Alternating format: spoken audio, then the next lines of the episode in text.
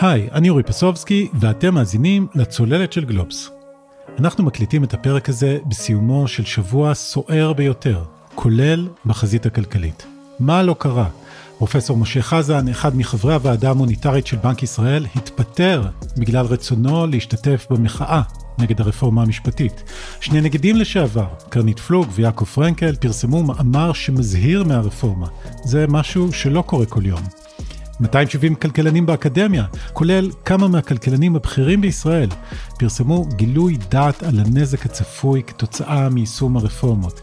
היו שם בכירים לשעבר באוצר, בבנק ישראל, יועצים לשעבר של נתניהו, כל המי ומי. וגם כאן מדובר בעצומה יוצאת דופן, וגם נגיד בנק ישראל, פרופסור אמיר ירון, הספיק להתייצב השבוע לפגישה עם נתניהו, ובה סיפר לו על פגישות שהיו לו עם בכירים בכלכלה העולמית, שהביעו בפניו את חששם מהמהפכה המשפטית. אחרי כל זה, ביום רביעי, הגיעה מסיבת העיתונאים של ראש הממשלה נתניהו, ובה הוא הסביר שהרפורמה דווקא טובה לכלכלה.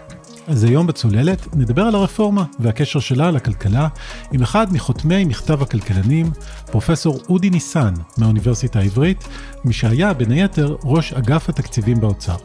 ננסה להבין איתו קצת יותר לעומק מה החששות שלו ושל חבריו. ואז בהמשך הפרק נדבר עם סגן עורכת גלובס, זאב חספר, על סקר מרתק שאנחנו מפרסמים בסוף השבוע הזה בגלובס.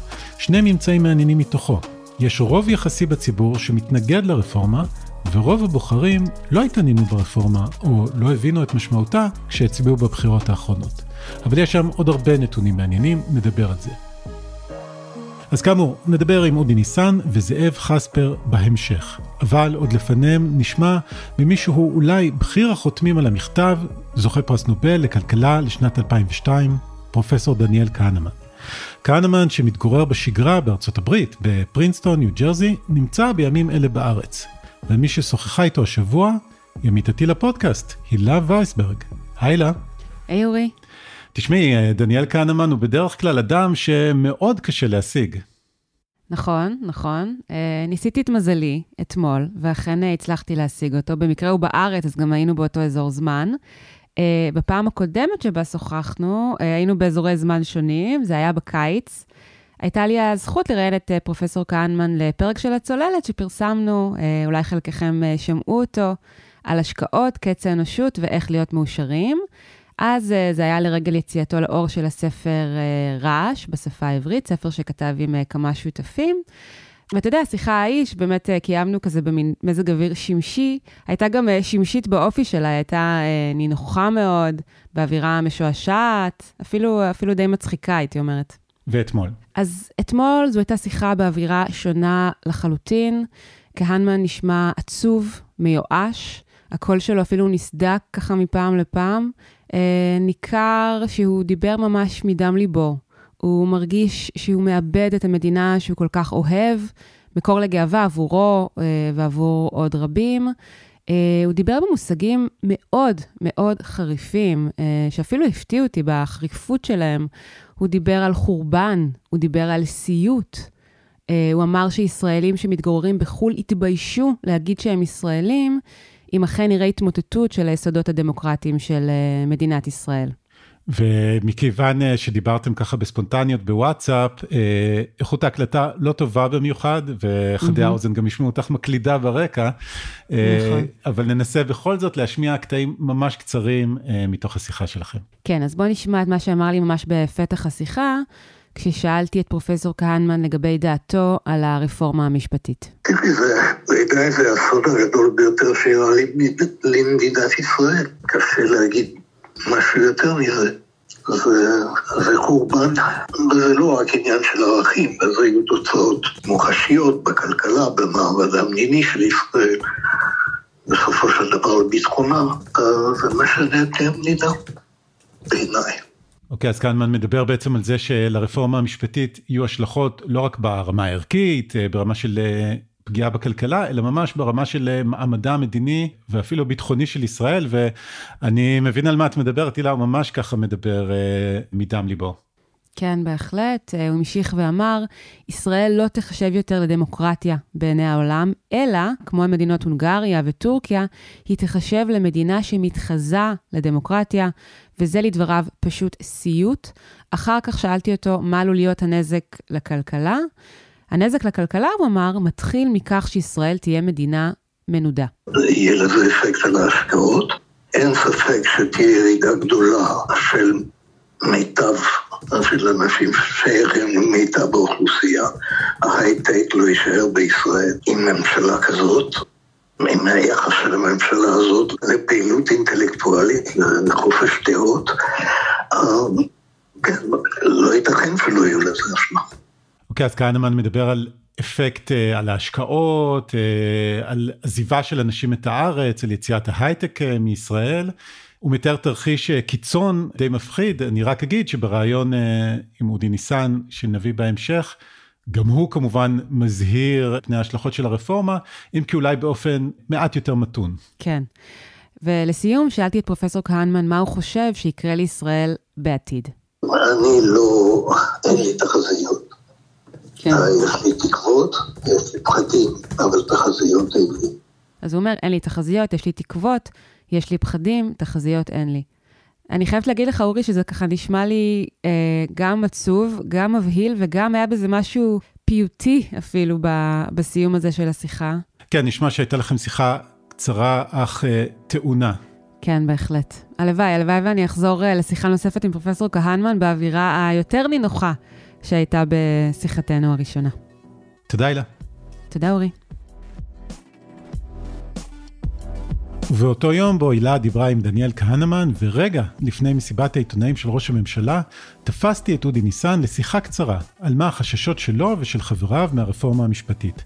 למה הם מתכוונים כשהם כותבים שמשמעות היוזמות של הקואליציה היא שינוי יסודי של שיטת המשטר בישראל וסכנה לעתיד המשק והכלכלה הישראלית. שלום פרופסור אודי ניסן. שלום רב. אז לפני שנדבר על uh, תוכן uh, מכתב הכלכלנים uh, שהתפרסם השבוע, רק רציתי להעיר שלי אישית לא זכור מכתב כזה שעליו חתומים כמעט כל הכלכלנים uh, באקדמיה בישראל. גם לי לא. אני סיימתי את התואר השני בכלכלה לפני של... מעל 30 שנה. לא זכור לי כי מכמה סיבות. ראשית יש ימין כלכלי, ימין ושמאל כלכלי וימין פוליטי ושמאל פוליטי, שהכלכלה היא לא מדע מדויק, יש אה, לפעמים ההשפעה היא הרבה יותר מורכבת מכן ולא. דווקא המקרה הזה הוא מקרה שאין ספקות. אני לא יודע איך יציגו את זה הפוליטיקאים או מישהו אחר, אין פה ספקות. כלכלה שעובדת על ציפיות, על אי ודאות, ופתאום אתה מכניס כזה בעיה קשה לעצמאות מערכת המשפט ולמקצועיות של המערכת הממשלתית שלנו, אני חושב שאין פה חילוקי דעות, שזה מגדיל את הסיכון ושזה גורם לפגיעה בשורה של דברים שתכף נרחיב עליהם. ולכן אנחנו רואים מקצה לקצה של הקשת של הדעות הכלכליות, יש הסכמה כל כך רחבה שאני לא זוכר אותה. אוקיי, אז בוא תוכל להרחיב קצת על מה מדאיג אתכם בעצם. תראה, התחילו לדבר על דירוג, ואני חושב שזה לא לב הסיפור, הדירוג של ישראל, שיכול להיפגע. דירוג ישראל הסיפור, אה, על ידי סוכניות האשראי הבינלאומיות. דירוג של סוכניות האשראי שמשפיע על הריבית שמשלמת ישראל ועל הריבית שמשלמות החברות העסקיות. אני חושב שזה הרבה יותר רחב מזה. אוקיי. בסוף, אנחנו משק קטן, בנוי הרבה מאוד על מסחר בינלאומי, על השקעות זרות, על סקטור ההייטק, שכבר אחראי על יותר מעשרה, 12 אחוז מהתעסוקה, ואחראי להרבה מאוד מהמיסים ולדברים אחרים חיוביים שנמצאים במשק הישראלי. וכשאותה יושב אותו בחור, לא משנה אם זה במייקרוסופט או באפל, ומחליט איפה הוא ממקם מרכזי פיתוח, ועם מי הוא עושה משא ומתן, ואיזה טכנולוגיה הוא קונה, אחד השיקולים זה השלטון שנמצא, עשיית עסקים שם והשמירה על זכויות, כן, במובן הרחב באותה מדינה. אפשר להרחיב גם על דמוקרטיה, אבל אני עוזב את הדברים המשפטיים ומתרכז בכלכלי. ובסוף, כשהדבר הבסיסי הזה נפגע, או שיש תפיסה שהוא נפגע, או אפילו אם הוא לא נפגע, אלא יש אי ודאות אם הוא ייפגע, במנגנון חדש שמשתנה מקצה לקצה, ההשקעות הזרות יועטו, וההחלטה אם להשקיע באירלנד או בישראל או במדינה אחרת תשתנה. אני לא אומר שהשינוי יהיה ממאה לאפס, אבל עם כל האתגרים של הכלכלה שלנו, היא רחוקה ומחסום השפה ובעיות הביטחון והרבה מאוד אתגרים שנלקחים בחשבון ופתאום אתה מוסיף לזה החלטה מהותית כזאת, היא תשפיע על התעסוקה, על תעסוקה איכותית, תשפיע על המיסים, תשפיע על הפריון במשק, היא תשפיע על דירוג החוב. כל הדברים האלה יושפעו. האם זה יושפע המון או קצת פחות? קשה לומר. אבל אין ספק שזה פרמטר מרכזי. באנגליה הבינו את זה לפני מעל 200 שנה, ששמירה על זכויות קניין הם לב הסיפור, תנאי הכרחי להתפתחות כלכלית. אז זה היה מפני המלך או הכנסייה. בהמשך זה התפתח שמירה על זכויות קניין כנגד החלטות שרירותיות של השלטון. אבל אין ספק שמערכת של איזונים ובלמים נכונה. עכשיו יכול להיות שצריך לעשות שינוי משפטי. תעשה אותו בהדרגה, בהסכמה יחסית רחבה, אל תיצור זעזוע של ציפיות. אוקיי, אז תן לי להציג אה, שתי טענות שנשמעות לפעמים, ואחת היא שיש מדינות שאינן דמוקרטיות, אה, כל אחד עם הדוגמה שלו, סינגפור או אה, האמירויות או מי שלא יהיה, שהכלכלה שלהם חזקה, סתם בתור איזה מין דוגמה נגדית. זה טיעון שמחזיק מים לדעתך? א', אי אפשר לקחת מקרה ספציפי ולהשליך. סינגפור היא באמת דוגמה חריגה, כן? אבל האם אתה יכול לדמה בנפשך מה קורה אם היה שם גם דמוקרטיה יציבה ואיזה צמיחה היינו יכולים לייצר? נותנים דוגמה של עושר כמו באמירויות, שיש להם משאבים. אנחנו מבינים מה הפוטנציאל של המדינה הזאת עם המשאבים האלה, אם היינו יכולים גם להכניס שם אלמנטים שמשקיעים זרים לא היו דואגים להקים שם? אז ברור שיש עוד המון פרמטרים, גם בסין וברוסיה משקיעים, כן? אבל הסיכון יותר גבוה, המחירים יותר גבוהים. לכן, תשמע, האזרח הקטן בסוף מהחלטה כזאתי, שתגרום להרבה מאוד אינדיקציות, תגרום גם לגידול באינפלציה. תראה מה קורה בהונגריה. עכשיו, יש מספיק מחקרים כלכליים שמראים שבמקומות שאתה לא נותן מערכת חזקה של איזונים ובלמים, ההתפתחות הכלכלית היא יותר איטית. אפילו קח את ארצות הברית, יש שם 50 מדינות, ויש שוני במשטר בין מדינות. כן.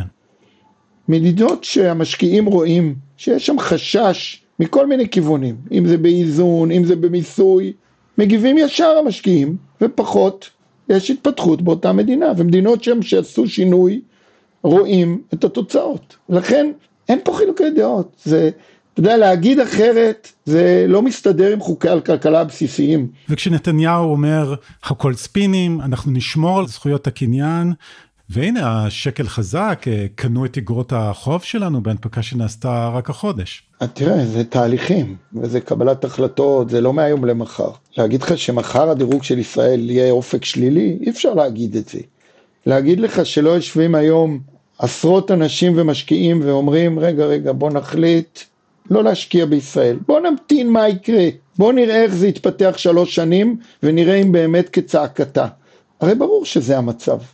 ואני לא מאלה שיגידו הנה רואים הבורסה מאז החודשיים האחרונים הבורסה עולה פחות מארצות הברית. אה, זה אנקדוטלי, זה יכול להיות שזה מסיבות אחרות. אבל אין לי ספק שלאורך חודשים, שנה, שנתיים, אנחנו נראה את האינדיקציות האלה.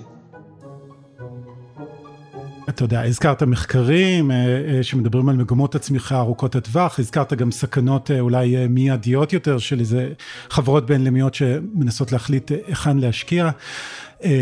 אתה מדבר רק מכובעך ככלכלן, כפרופסור לכלכלה, או שאתה יודע, אתה הרי היית גם הממונה על התקציבים באוצר, מנהל רשות החברות הממשלתיות, היית יושב ראש דלק. תראה, אני חי את השוק העסקי, אני חי את השוק, את ההבנה של התקציב וגם בממשלה. היתרון הזה נותן לי מכמה כובעים לראות את האילוצים. ואתה רואה את התהליכים מכל הצדדים, אתה מבין עד כמה עוצמתיים. אנחנו באוניברסיטה, בשיתוף עם חברת גבייה, מקימים פארק הייטק בגבעת רם, בצמוד לכל מדעי הטבע ומדעי המחשב. ומי החברות שאמורות לקום שם? חברות שמבוססות על הידע, חברות הרבה מאוד בינלאומיות, שרוצות את הקרבה לידע. עכשיו, בסוף הן בוחרות, והיה לנו דיונים עם הרבה מאוד מהחברות, והם רואים את כל הטוב שבמוח שנמצא שם בגבעת רם, והם רואים את היתרונות בישראל, אבל הם גם רואים את הסביבה. וברגע שאתה מוציא פרמטר כל כך חשוב כמו מערכת ציבורית חזקה שהוכיחה את עצמה לאורך 40 שנה באמינות פיסקלית ומערכת שלטון חוק מאוד מפותחת, זה היה תנאי חשוב, הכרחי. ואם היום אנחנו מוציאים את זה מהמשוואה, זה בעיה. עכשיו, תראה, חברות הדירוג מדי פעם באות להתייעץ עם בכירים לשעבר, יש לי איתם שיחות. הן מאוד ערניות. כשלפני ארבע שנים היה גירעון גדל, אם אתה זוכר, בתקופת כחלון, בהחצת השלושה אחוז לכיוון הארבעה אחוז, כן. הם ישר שואלים, האם זה פרמננטי, מה אתם חושבים, כמה זה מסוכן. כשמתפטר פקיד בכיר והם שואלים, זה אינדיקציה למשהו, הם כל הזמן היד על הדופק.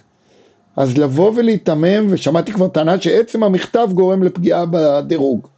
זה היתממות. הם חיים טוב מאוד את הכלכלה הישראלית, ולא רק בישראל, זה קורה בהונגריה ובפולין ובמדינות אחרות. כאשר אתה היית אה, ראש אגף תקציבים, זה היה בעצם אה, בממשלת נתניהו בין 2009 ל-2011, אם אני זוכר נכון, כשהוא חזר לכיסא ראש הממשלה.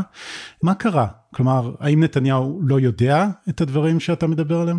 תשמע, יש לי אה, מאות שעות עם ביבי, עם ראש הממשלה, סליחה. יש לי איתו דיונים ליליים, הוא, הוא מבין כלכלה, מבין טוב כלכלה. לא יודע, אני מופתע, אני, האמת שאני מופתע. אין לי ספק שמי שמבין כלכלה יודע שיהיה פה פגיעה.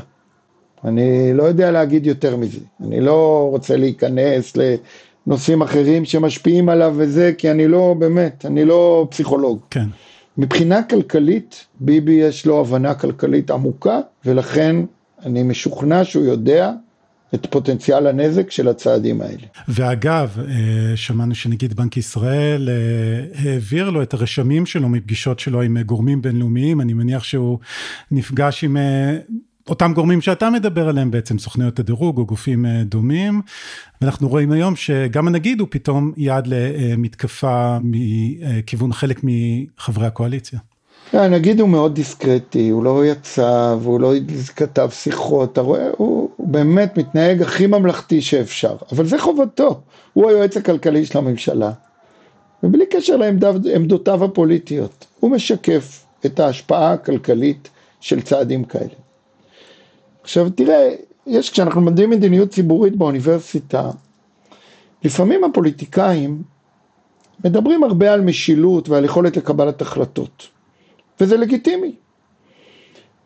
אבל לפעמים הם לא מוכנים לקבל את המחיר של קבלת החלטות, כן? ובמקרה הזה יש מחיר כלכלי.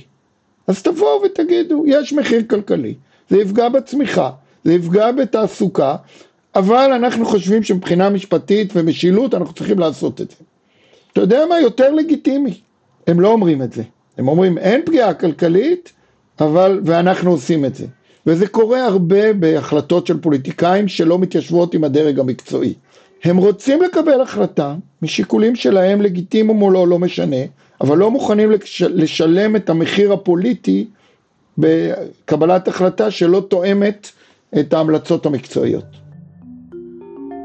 אני רק אעיר שאתם אה, כאמור מדברים אה, בכובע מקצועי של מומחים לכלכלה, ראינו גם מומחים למשפטים, ראשי אקדמיה, ראינו שורה אה, של אה, אנשי הייטק שבכובעם המקצועי מתריעים מפני ההשלכות שעשויות להיות לרפורמה הזאת, אבל מנגד אנחנו גם נמצאים באיזושהי, איך נאמר, סביבה של מתקפה נגד האליטות, ובהגדרה כמעט פרופסורים לכלכלה הם חלק מהאליטות. כלומר, הקול שלכם יכול להישמע באווירה כזאת?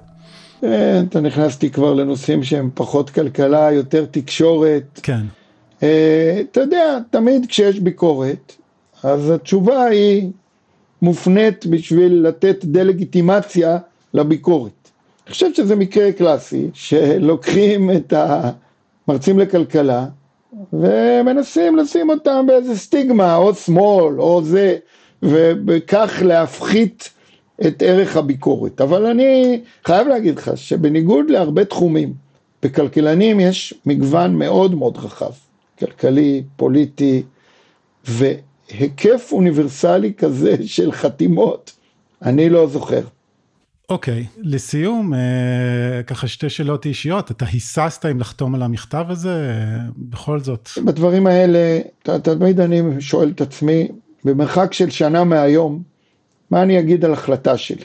גם כשהייתי באגף תקציבים, ואתה כאילו מתלבט על איזה משהו, ואתה אומר, בוא נלך שנה קדימה, ההחלטה הזאת בראי הזמן, אתה תהיה שלם איתה? אני מאוד שלם עם ההחלטה. שינוי כזה קיצוני במערכות שהן הכרחיות לכלכלה שלנו, בלי קשר לפוליטיקה, הוא שגוי. גם אם אתה חושב שזה נכון, אפשר לעשות את זה.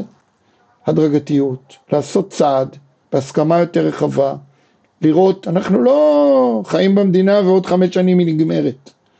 לראות ההשלכות, לראות ההשפעות.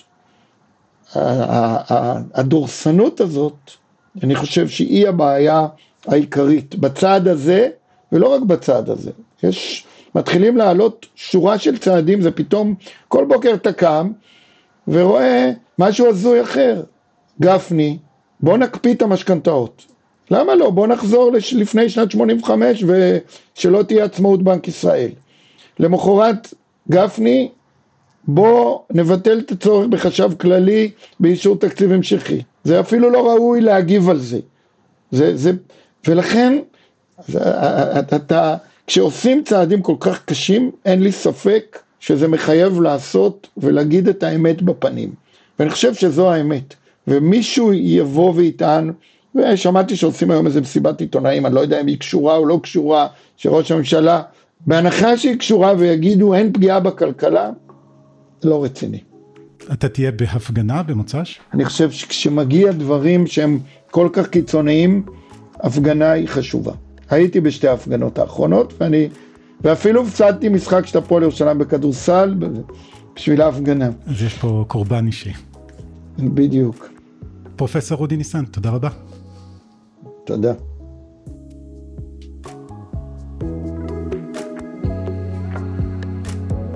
אוקיי, אז שמענו מהכלכלנים על החששות שלהם לגבי הרפורמה, ועכשיו רצינו לשמוע מהציבור. או ליתר דיוק, רצינו לשמוע מה הציבור חושב על הרפורמה. ואת השאלה הזו ניסינו לבדוק באמצעות סקר שערכנו בגלובס השבוע. אפשר למצוא אותו בעיתון ובאתר. שלום לסגן עורכת גלובס, זאב חספר. שלום אורי. לפני שנדבר על הממצאים המאוד מעניינים של הסקר, אולי כמה אה, מילים ככה על איך ערכנו אותו. זה סקר שביצענו באמצעות, אה, השבוע, באמצעות אה, מכון שילוב, בקרב אה, מדגם מייצג של 500 אה, גברים, נשים, אה, יהודים, ערבים, ואלה הנתונים. אוקיי, אז בוא נתחיל בכותרות. מה בעיניך הממצאים הכי מעניינים בסקר הזה? השורה התחתונה היא שרוב יחסי של הציבור מתנגד לרפורמה המשפטית של יריב לוין, אני אומר רוב, רוב יחסי זה 43 אחוז, זה לא 50 אחוז ומעלה, אבל זה המיעוט הכי גדול שיש, 43 אחוז, הם מתנגדים לרפורמה, לעומת 19 אה, אחוז שתומכים בה, יש פה פער גדול, 20 אה, אחוזים אמרו שהם תומכים בחלק מהסעיפים. כלומר, לא ברפורמה כולה, אלא בחלקה. כן, לכן זה, אפשר את ה-20 אחוז האלה להבין לכאן ולכאן. אוקיי, ובעצם uh, כדי להשלים ל-100%, שם נמצא uh, את אותם אנשים שאין להם עמדה uh, ברורה, שלא יודעים מספיק. כן, כן, זה, אני, אנחנו לא נזכיר אותם במהלך השיחה, כי הם לא משפיעים על השיח בעצם. ואיך uh, מתחלקים האנשים שמתנגדים או תומכים ברפורמה? ברור שיש פה חלוקה מאוד ברורה של ימין, שמאל, מרכז, כשבשמאל יש התנגדות של 76% מתוכם ובמרכז 71 אחוזים לרפורמה. הימין דווקא יותר מפוצל, כי רק 36 אחוז מהימין, שליש מהימין, תומך בכל סעיפי הרפורמה, בעוד שכמעט 30 אחוז מהימין תומך רק בחלק מסעיפי הרפורמה. ואם אנחנו uh, מדברים על איזה שהם פילוחים אחרים? טוב, כמובן שבפרופיל הדמוגרפי ההתנגדות לרפורמה גוברת. ככל שעולה הגיל, ההשכלה והמצב הכלכלי, ההכנסה. אבל אגב, בנושא מגדר אין הבדלים משמעותיים בין גברים לנשים. אוקיי, okay, אז זו כותרת אחת של הסקר, שבעצם יחסית יש רוב uh, שמתנגד לרפורמה, 43 מתנגדים, uh, לעומת 19% תומכים, והשאר פחות בטוחים. אבל בצד השני, מצד שני, וזאת השאלה הבאה כבר, יש כן נכונות לפשרה. אנשים מדברים על פשרה. כלומר, נשאלו על פשרה, ואז יש יחס, באופן יחסי תמיכה אה, בפשרה. רוב יחסי חושב שניתן להגיע לפשרה, זאת אומרת, אה, כמעט חצי מהציבור, מחצית מהציבור חושב שהפשרה אה, אפשרית, אה, במידה כזו או אחרת של ודאות. זה לעומת אה, 36 אחוז, קצת למעלה משליש, שחושבים שפשרה לא אפשרית. כמובן גם פה יש הבדלים, ימין, שמאל וכו'. אבל שאלה אחרת היא אחר כך אם רצוי שתהיה פשרה. זאת אומרת, לא אם אפשר שתהיה פשרה, אלא האם רצוי שתהיה פשרה, ופה אה, יש רוב מוחלט שטוען שרצוי שתימצא פשרה, כמעט 60 אחוזים טוענים שרצוי שתהיה פשרה. אה, שזה הדבר הנכון לעשות, רבע אה, מביעים התנגדות בכל מקרה לרפורמה ולא מעוניינים בפשרה. עכשיו, התמיכה בפשרה חזקה מאוד בימין ובמרכז, 68% ו-63% בהתאמה, אפילו בשמאל יש לה איזשהו רוב יחסי של כמעט 50%, שזה מעניין. ואחד הדברים שאתם עושים בסקר זה לקחת את זה צעד אחד קדימה, אה, להסתכל אה, על הרפורמה המשפטית או מהפכה המשפטית אה, או איך שלא תקרא לזה, שזה מהלך שכורך יחד כל מיני נושאים שונים, יועצים משפטיים, פסקת ההתגברות, מינוי שופטים, כלומר יש פה מין מהלך כוללני כזה. אבל אתם עושים גם drill down, מה שנקרא, בוחנים כל אחד מהסעיפים ברפורמה בנפרד, ושואלים בנוגע לאיזה מהסעיפים אפשר לדעתם להתפשר, ושם התשובות מפתיעות. כן, מאוד מפתיעות, כי בעצם בתשובות אין כמעט הבדל בין הסעיפים, זאת אומרת, כולם קיבלו בין 22 ל-28 אחוזים נכונות להתפשר עליהם. כלומר, רק 28 אחוז מוכנים להתפשר על מינוי השופטים, רק 27 אחוז מוכנים... uh, לפשרה בנוגע לפסקת ההתגברות, 22 אחוז מוכנים כן. להתפשר על יועצים משפטיים וכן הלאה. אגב, 23 אחוז מתנגדים לכל פשרה, אז מה המסקנה? המסקנה היא שכנראה אי אפשר להתפשר, כי זה, אין סעיף שיש בו רוב של הציבור, או אפילו רוב יחסי סביר, של ציבור שמוכן להתפשר באותו סעיף ספציפי. יכול להיות שיש דרך אגב אחרת לקרוא את זה, אני לא, ממש לא בטוח, בזה שבעצם שום דבר לא מספיק חשוב. זאת אומרת שהכל פחות או יותר שווה בחשיבות, ואז אם יש פשרה, יהיה פשרה. אף אחד לא ילך להילחם על אה, זה אני לא בטוח שזה פרשנות נכונה, אבל היא קיימת. בכל מקרה יש פה איזה מתח מעניין בין אה, נכונות אה, כללית להתפשר לבין סעיפים ספציפיים שעליהם יש פחות מוכנים להתפשר.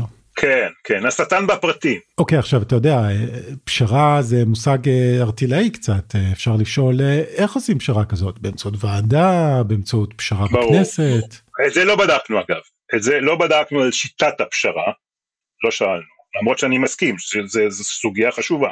אוקיי, okay, אבל כן בדקתם אה, שאלה דומה בהיבט הפרסונלי. כן, שאלנו מי האישיות, אה, כלומר התמיכה של מי משורה של אישים שהצגנו אה, בנוסחת פשרה כלשהי, הייתה משכנעת אותך, אותך, לקבל אותה. והצגנו חמישה שמות, נשיא המדינה, ראש הממשלה, יו"ר האופוזיציה, נשיאת בית המשפט העליון, וחבר הכנסת בני גנץ. וניסינו להבין, אני לא אלאה אותך איך עשינו את זה, עשינו את זה בשני סיבובים, בסופו של דבר אה,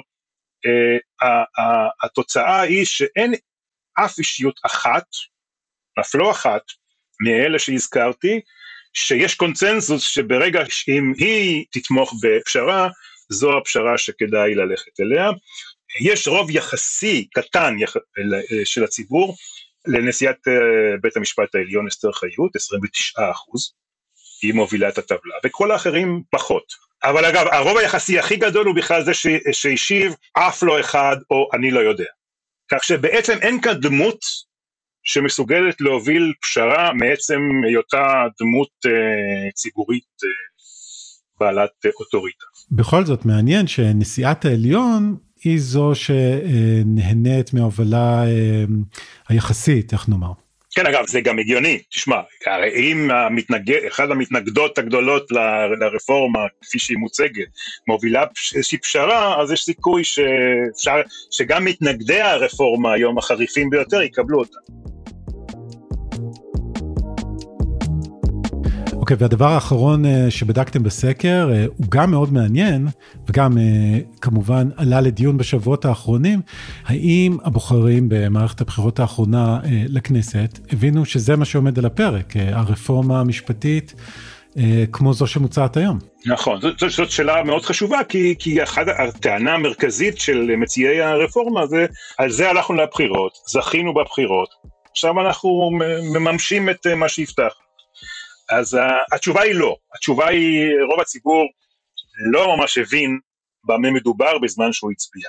רק שליש מהציבור אמר שהוא ידע שעל הפרק רפורמה משפטית כפי שהיא מוצגת היום. עכשיו חלק אגב מאותם 34 אחוז יש פה משני המחנות וכל אחד מהם הצביע עבור או הימין או השמאל בהתאם ל, לידיעה הזאת, כן, שתבוא רפורמה כל כך uh, נרחבת. אה, אבל עדיין מדובר במיעוט, כן, רק בשליש מהציבור בסך הכל. עכשיו, הקבוצה הגדולה הנוספת היא כמובן הרוב של 30, היחסי, רוב יחסי של 39 אחוז, שטוען שהוא לא הבין את המשמעות של הרפורמה בזמן ההצבעה, אבל אני הייתי מוסיף אליהם, את ה-39 אחוז האלה, את אלה שהשיבו שזה לא עניין אותם, או לא התעמקו בנושא. פה הם חשובים, כי השאלה היא בסופו של דבר, האם רוב הציבור ידע במה מדובר. וכאן יש לנו כבר יחד רוב של כ-67 אחוז, שנושא הרפורמה לא היה ברור לו בכלל, כי או, או, או כי לא הבין, או כי חלף לו מעל או מתחת לרדאר, אבל הוא לא היה מודע לזה. אוקיי, okay, וזה מלמד אותך שרוב המצביעים לא הצביעו על הרפורמה. לא, ברור שלא, מתוך הנתונים לפחות. טוב, אז בוא תיתן לי את השורה התחתונה, כמו שאתה מבין אותה מהסקר. רוב הציבור נגד הרפורמה המוצעת, זה ברור, אבל הוא מוכן לפשרה, גם זה ברור. מה מהות הפשרה זה פחות ברור, ויחד עם זאת לא ברור כמה ריאליטי, אה, נוכח העובדה שבעצם מצד אחד אין דמות ציבורית אחת, כפי שהזכרנו, גם אפילו לא נשיא המדינה, שהתמיכה בפשרה מסוימת תשכנע את רוב הציבור לקבל אותה, וזה בנוסף לעובדה שאין סעיף אחד ברפורמה המוצעת עליו יש קונצנזוס שניתן להתפשר עליו. חשוב בעיניי להוסיף עוד משהו, כמובן אני כאן מביע דעתי האישית, וזה הקונטקסט. הקונטקסט שבו אנחנו דנים ברפורמה מנותק מכל דבר אחר. כאילו שיש רק את הרפורמה המשפטית על השולחן שלנו, בדיון הציבורי, ועליו אנחנו כרגע מתווכחים. זה לא בדיוק נכון, והקונטקסט בעיניי הוא כאן, אה, יש כאן מהלך הרבה יותר רחב של קואליציה ש, שבאה לממש את השקפתה בתחומים רבים. בעצם במידה רבה היא רואה במה שקורה ברבים ממוסדות השלטון כיום והחברה, דברים שצריך לשנות, אז הרפורמות רבות הן אה, לפנינו. במשטרה, בצבא, בתרבות, בחינוך, באקדמיה, באיגודים המקצועיים, בתקשורת, זה דברים שחל, שרובם כבר אנחנו יודעים על דברים קונקרטיים. כך שהדיון צריך להיות הרבה יותר רחב בסופו של דבר, צריך לדבר על זה, כי אחרת ניקלע לעימות אה, ולמשבר חוקתי ולמשבר מעבר לחוקתי, שאף אחד לא באמת רוצה אותו, אני מקווה ש, שאכן יש נכונות לדבר. אמיתית, זאת אומרת, גם בשיטה של הדיון הפומבי ברפורמה הזאת. כן, אה, ואם ייפתח אה, דיון כזה, כמו שאתה אומר, לאור נתוני הסקר, זה, זה יהיה דיון שלא קל לפתור אותו. אה, לא, לא קל, אבל אין דבר שהוא בלתי אפשרי. זאב חספר, תודה רבה. תודה לך. עד כאן עוד פרק של הצוללת. כפי שבוודאי שמתם לב, התפתחות רודפת התפתחות ואנחנו מסקרים את כולן באתר גלובס, בעיתון, ואפשר לשער שעוד נחזור לנושאים האלה גם כאן בפודקאסט. אפשר למצוא אותנו באתר גלובס, בספוטיפיי או בכל אפליקציית פודקאסטים. נשמח אם תעשו לנו subscribe, ואם אהבתם, שילחו את הפרק לחבר או חברה שלא מבינים ממה הכלכלנים חוששים כל כך. ואם אתם אוהבים את התכנים של גלובס, אפשר גם לעשות מנוי. כל האפשרויות נמצאות באתר שלנו. עורך הסאונד הוא ניר לייסט, הילה וייסברג היא עורכת הפודקאסטים של גלובס, אני אורי פסובסקי, נתראה בפעם הבאה, להתראות.